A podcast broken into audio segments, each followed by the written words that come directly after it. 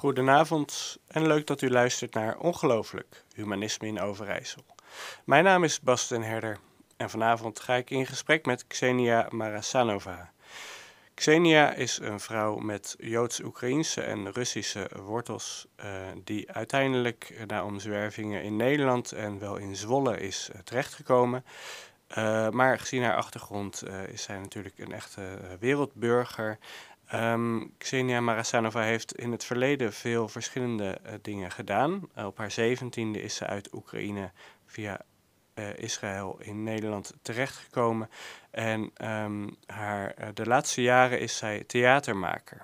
Zij heeft verschillende theatervoorstellingen ontwikkeld. En haar laatste theatervoorstelling heet Zij zagen oorlog. Um, die is net voordat corona toesloeg uh, ontwikkeld. En daarna is hij ook uh, een tijdje uitgevoerd uh, voor het scherm, maar inmiddels ook in theaters te zien. daar hoort u later vanavond wat meer over. ik ga met Xenia in gesprek over haar theatervoorstelling, maar aan de hand daarvan natuurlijk ook over de actuele situatie, waarbij haar twee landen van oorsprong, Rusland en Oekraïne, uh, natuurlijk um, in het nieuws zijn en helaas niet op een, op een positieve uh, manier. Um, we gaan met haar uh, bellen. Xenia Marasanova, welkom in de uitzending. Dankjewel. Ja, um, ja het, het, gaat dus, wij, wij bellen nu, jij zit nu in de uitzending naar aanleiding van jouw uh, toneelstuk uh, Zij zagen oorlog, waar je nu mee in de, uh, in de theaters staat.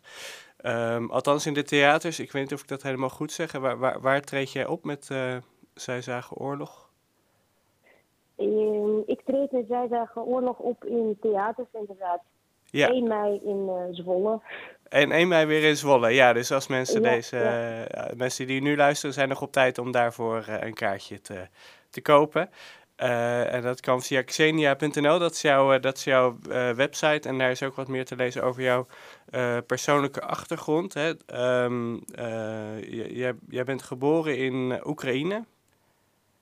Dat klopt, ik ben geboren in Kharkiv, dat is Oost-Oekraïne. Kharkiv in Oost-Oekraïne, ja, en dat was bij veel Nederlanders, veel mensen uit West-Europa tot voor kort denk ik een heel, heel onbekende stad, eigenlijk uh, onbekend gebied. Misschien alleen met mensen die, die belangstelling hadden voor Oost-Europa, voor Rusland.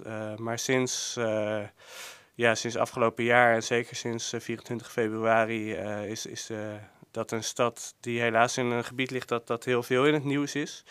Um, jij bent daar geboren um, en, en jij bent op je zeventiende naar Nederland gekomen, begreep ik.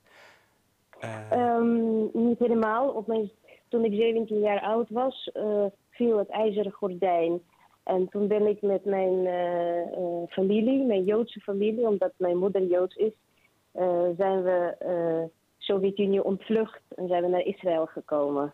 En vanuit Israël ben ik dan in mijn eentje uiteindelijk naar Nederland gekomen. Oh, oké. Ja, dus, dus jouw, jouw familie is eerst, met, jij bent eerst met je familie naar Israël gegaan. En, en jouw familie is, is nog steeds in Israël, de, de, de kant van jouw moeder? Dat klopt inderdaad. Mijn moeder woont nog steeds in uh, Israël. En mijn vader en mijn Russische oma wonen in Rusland, in Sint-Petersburg. In Sint-Petersburg, ja, ja, dat is wel, uh, dat, dat, lijkt me een bijzondere achtergrond uh, en ook wel ingewikkeld nu met deze oorlog die, die is begonnen. Um, en, en heb jij nog familie in, in Kharkov zelf? Of is jouw hele familie daar, daar weggetrokken na de val van de muur? Ik heb mijn familie daar uh, niet meer, of niet de familie met die ik ken of contact mee heb, misschien verre familie. Maar ik heb daar nog wel oude vrienden van vroeger en uh, ouders van mijn klasgenoten waar ik veel over de vloer kwam. Uh, het, want uh, veel, veel van mijn klasgenoten zijn net als ik naar het westen gevlucht op het moment dat het kon. Dus die wonen in allerlei landen, in Italië, in, in Israël, in Amerika. Ja. Uh, maar ik volg inderdaad wat er in uh, Kharkiv gebeurt heel, heel zorgvuldig. En ik, ik leef met, met mijn kennissen mee die nu op dit moment nog zitten. Ja, ja want die, die liggen onder vuur, hè? soms ook, ook echt letterlijk uh, daar in, in Kharkov. Um, ja, en, klopt. Ja. En, en jouw, uh, jouw voorstelling, Zij zagen oorlog, ja, die, die heb je niet in de afgelopen maand gemaakt, hè, maar die, die is nu wel heel, heel actueel. Um, maar van, van, wanneer dateert die? De voorstelling heb ik twee jaar geleden gemaakt, samen met mijn regisseur, in 2020. Um, toen ben ik het begonnen te spelen in uh, try-outs en wat uh, theaters. En toen kwam de lockdown. Ja. Um, ik, ik, heb het tijdens de lockdown veel via de streaming gespeeld. Um, en in theaters. en nu kon ik het eindelijk voor live publiek uh, spelen. En nu kwam tegelijkertijd de oorlog in mijn geboorteland. Ja, ja. Ja. ja, ja dat zijn eigenlijk twee uh, crises die, die, uh, die wereldwijd ook invloed hebben gehad. Hè? Dat, uh, de, de pandemie, de, de COVID, um, dat, dat sloeg dus eigenlijk toe. Dat de, de COVID en de bijbehorende lockdown, dat kwam eigenlijk nadat jij de theatervoorstelling Zij zagen oorlog al had ontwikkeld. Dat klopt inderdaad, ja. Dus je was net klaar om de theaters in te gaan of je was al bezig met try-outs, zei je, en toen uh, mocht het mm opeens niet meer of toen kon het niet meer. Inderdaad, ja. Ja. Maar ik heb het nu, ik heb het nu dus speel ik het uh, al een tijdje in deze tournee, waar overigens alle baten van deze tournee gaan uh, aan de projecten voor de Oekraïnse weeskinderen. Dat hebben we meteen besloten. Um, en ik, ik vind fantastisch de, hoe mensen deze voorstelling nu ontvangen. Ja. Um, het komt echt binnen en ze trekken het zich enorm aan. Dus ik heb echt het gevoel dat ik met deze voorstelling echt een, iets heel belangrijks mensen aan het vertellen, eh, kan vertellen. Ja, ja, en dat um, is, is daar nog verschil bij? Want je vertelde dat je het ook hebt gestreamd, dat je het ook in theater speelde, eigenlijk mm -hmm. uh, ja, zonder publiek neem ik dan aan, maar voor, voor een camera. Mm -hmm. Um, is, is er, wat is het belangrijkste verschil als je het live weer speelt met mensen in de zaal of, of dat je het uh, uitzendt, dat je het streamt? Ja, het grootste verschil is natuurlijk de energie, um, energie van mensen, energie van de zaal. De, dat gevoel dat je echt een, een speld kon la, laten kunnen horen vallen. Omdat iedereen zo aan het volgen is wat hier en nu gebeurt. Ja. Um, dat is, uh, dat is, dat is on, on, uh, onbeschrijfelijk hoe, hoe, hoe mooi dat is. Ja, en, maar dan, dat, is, dat is eigenlijk een stilte die je nu beschrijft. Dat je kan een speld horen vallen. Uh, maar als je het zonder mensen speelt, kun je ook een speld horen vallen. Hè? Dat dan, maar dat is een ander soort stilte, begrijp ik. Dat, dat voelt... Dat is een ander soort stilte, ja. ja. Dat de aandacht, de aandacht van, van, van het publiek. Je, je voelt dat het bij hun, dat, dat, dat de tekst de personage, de intentie, de emotie bij hun land, in hun ziel, om zo maar eens te zeggen. En dat is iets wat, je, wat de interactie tussen een podiumkunstenaar en het publiek, dat kun je door streaming um, niet vervangen. Dan krijgt het een, een andere karakter. Ja. Um, ja. ja. Ja, en dat kan nu dus eindelijk weer uh, uh, live. En, en dan uh, speel je je voorstelling voor, voor, voor het publiek. Um, en en um, misschien kunnen we iets meer over die voorstelling ook horen. Hè? Uh, wat jij zegt, er zijn verschillende personages in, in zo'n voorstelling. Uh, tegelijkertijd zie ik uh, op, op, in de omschrijving die je geeft dat je hem in je eentje speelt. Hoe, hoe dat werkt klopt, dat Het precies? is een solo-voorstelling. Ja, de, de um, ik kruip dus letterlijk in de huid en in de kleren van een nieuwe persoon telkens. Um, en ik ben uh, zelf opgevoed met een oorlog als een groot gegeven van uh, goed tegen kwaad. Want ik kom natuurlijk uit het Sovjet-regime vandaan. Ja. En het, heeft mij, het, heeft, het had mij altijd geboeid hoe het is op menselijk niveau. En ik probeer met deze voorstelling door steeds een andere standpunt in te nemen. Een andere persoon in een andere, uh, totale andere situatie. Um, om, om juist die verbindenis tussen de mensen op menselijk niveau te laten zien. Dat, dat, dat we allemaal hetzelfde zijn, dat we allemaal mensen zijn. Dat, dat er, we juist minder verschillen hebben dan de grote leiders ons doen denken. Ja, we, zijn, uh, we lijken meer op elkaar dan, uh, dat dan we te horen krijgen van, van, van bovenaf of vanuit de, de, de machthebbers. Um, ja, jij, jij zegt de, de, oorlog, dat speelde een rol in jouw opvoeding. tot je zeventiende woonde je dus in, in Kharkov, in, mm in nu Oekraïne, toen nog de Sovjet-Unie. Um, en, en, je zei, de, de oorlog speelde daar een belangrijke rol. Uh, kun je daar iets meer over vertellen? In de basisschool, de middelbare school, uh, wat werd er verteld over uh, de oorlog? wat was het verhaal en, en ging, gingen alle kinderen daarin mee? Um, nou, natuurlijk, de, de, in het Oost-Europa zijn heel veel slachtoffers gemaakt tijdens de Tweede Wereldoorlog. Ja. Daarom heette dat daar ook de grote vaderlandse oorlog. Dus elke familie heeft iemand verloren, letterlijk. Ja. In, en in mijn familie heb ik, heb ik twee oma's uh, aan wie ik deze voorstelling heb opgedragen. Mijn uh, Joodse oma kon tot haar dood het Duits niet meer horen. En mijn Russische oma, die leeft nog steeds. Die heeft de omsingeling van Leningrad van 900 hongerige dagen overleefd. Die heeft de grootste mededogen met de Duitsers. En dat heeft mij altijd zo geboeid. Ja. Omdat het, ja, de, de, de, natuurlijk de, de grote woorden van wij hebben de Duitsers overwonnen. Ja. Uh, de Duitsers waren slecht, wij waren goed. Ja. Um, dat is iets wat de, de staat altijd uh, uitzond. Um, en, en, juist op zo'n, op zo'n menselijk niveau ging het dan heel anders. En dat heb ik geprobeerd in die voorstelling te onderzoeken. Ja, want dat zijn twee oma's. Um, als ik het goed begrijp, de, jou, de Joodse kant van jouw familie is van jouw moeder. Dus de, de moeder van mhm. jouw moeder, uh, die oma, uh, die had in de Tweede Wereldoorlog of, en daarna zo'n hekel gekregen aan Duitsers dat ze de hele taal niet meer wilde horen. En de moeder van jouw vader, die zat in Leningrad vast, wat nu dan Petersburg heet. Maar die, bij haar heeft dat niet gezorgd voor, voor zo'n afkeer van, van de Duitse taal of van de Duitsers als mensen. Dat klopt, inderdaad. En zij heeft ook de, de honger meegemaakt, de meest, een van de meest verschrikkelijke hongersnoden van uh, de oorlog. Ja. en zij heeft ook de verschrikkelijke dingen meegemaakt die Russen moesten doen om te overleven ja. in die omsingelde stad. Het, dat, denk ik, heeft haar uiteindelijk ook daarvoor gezorgd. Ja, ja.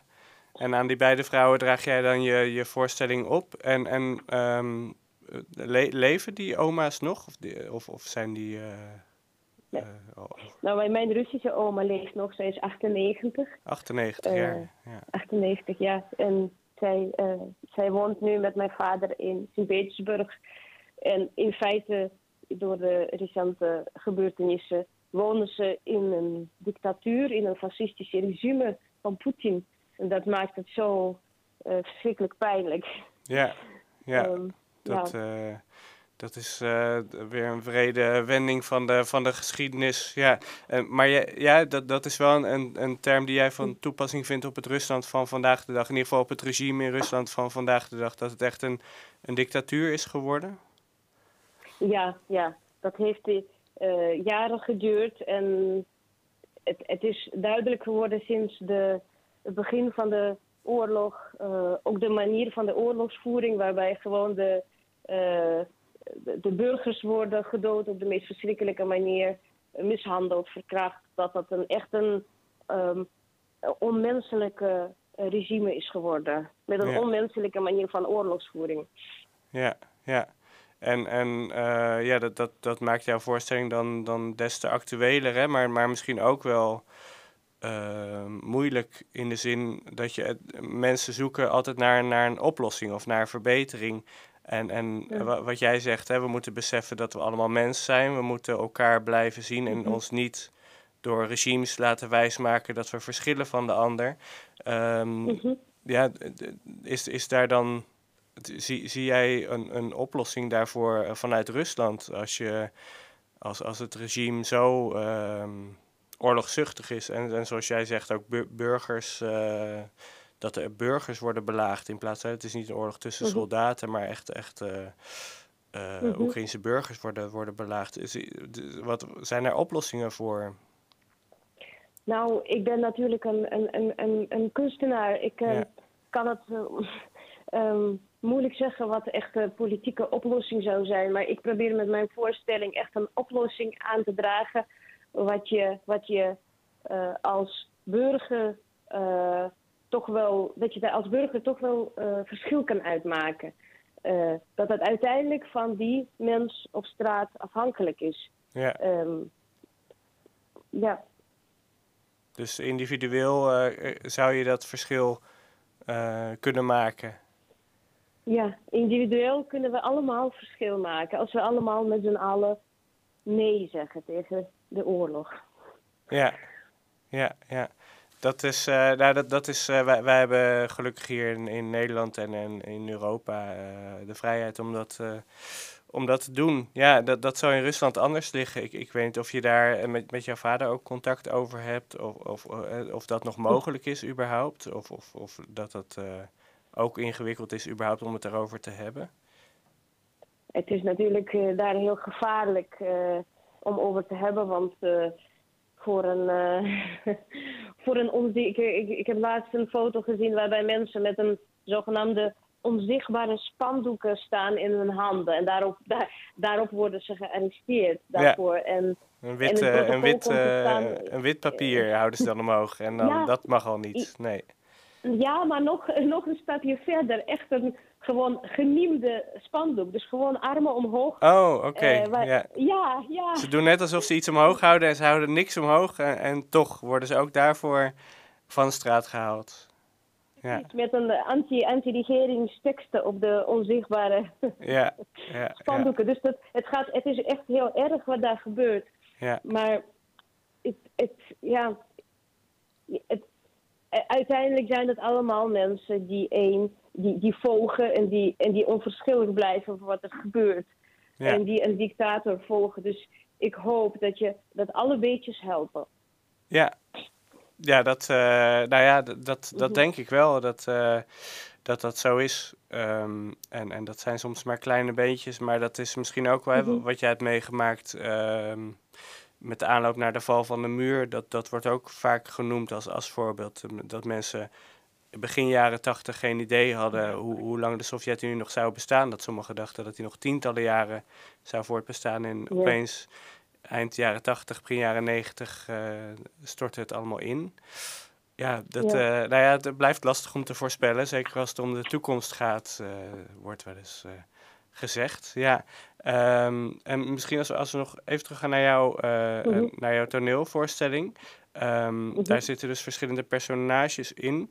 Um, misschien als je denkt vanuit jouw personage, welk, welk van de personages uh, kun je misschien eentje eruit pakken waarmee je jezelf identificeert op dit moment? Misschien hè, iemand, zijn er uh, personages bij die iets nu zouden kunnen doen aan die oorlog of die een bepaald optimisme zouden kunnen uitstralen of inspiratie kunnen bieden in, in mhm. deze moeilijke tijd? ik denk dat dat echt uh, de, de, het allerlaatste is waarmee mijn voorstelling eindigt. Um, dit is een, uh, een oproep aan, uh, aan het publiek. wat, wat de laatste personage doet, letterlijk. En die vraagt om ze nee te zeggen. um, en ik, ik zal daar niet verder heel diep op ingaan, omdat je daarmee eigenlijk het, het einde van de voorstelling weggeeft. Maar ja. dit, is, dit voelt zo sterk voor mij nu dat als ik daar sta als die laatste personage, dan denk ik echt van, het komt echt diep uit mijn hart. Ja, ja. Daar ben ik echt, ja. Dus daar voel je jezelf ook, uh, dat, dat ben jij ook die dat dan zegt, uh, die, die oproept, zegt, zegt nee. Uh, daartegen eigenlijk, ja. Ja, dat zal, en dat zal aan het eind van die voorstelling anders voelen, hè, als je de voorstelling al hebt gespeeld of hebt gezien als publiek. Uh, dus ik snap dat je dat niet ja. helemaal wil weggeven.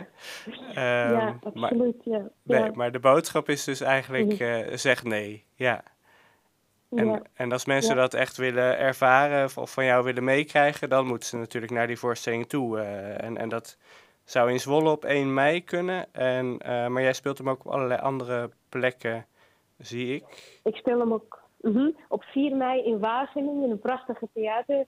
En op 9 mei uh, in Amsterdam. Ja. ja, op 4 mei in Theater Junishof in, in, in Wageningen inderdaad. En op 9 mei in het Polana Theater in Amsterdam. Ja, en uh, dat, de, dat is allemaal terug te vinden op jouw website Xenia met ks, xenia.nl. Um, Klopt, ja. Mhm. Ja, nou, misschien is het goed om uh, dat ook een, goed punt om de, het interview mee af te sluiten. Hè, met het, uh, het einde van jouw voorstelling. En een tipje van de sluier. En uh, dat, dat is dan ook het einde van het interview. nou, Xenia Marasanova, bedankt voor dit gesprek. En um, ja, voor, voor de luisteraars, bent u geïnteresseerd geraakt? kom vooral langs. U bent van harte welkom in een van, op een van de plekken waar Xenia haar voorstelling speelt. Dankjewel. Dankjewel, Bas. En daarmee sluiten wij deze uitzending weer af. Uh, dit was een gesprek met Xenia Marasanova uh, over haar theatervoorstelling, uh, maar aan de hand daarvan ook een beetje over haar leven tot nu toe en over de geopolitieke situatie. Um, zoals eerder gezegd, mocht u geïnteresseerd zijn geraakt en de theatervoorstelling willen bijwonen, u kunt op xenia.nl, dat is k-s-e-n-i-a.nl, haar uh, speeldata terugvinden en daar ook uh, kaartjes krijgen voor de verschillende theatervoorstellingen in Zwolle, in Wageningen of in Amsterdam. Um, ik uh, kondig graag volgende week een aflevering aan van dit programma die zal gaan over jeugdzorg en de problemen daarmee. Uh, en voor nu wens ik u nog een heel fijne avond en morgen gezond weer op. Bedankt voor het luisteren naar Ongelooflijk Humanisme in Overijssel.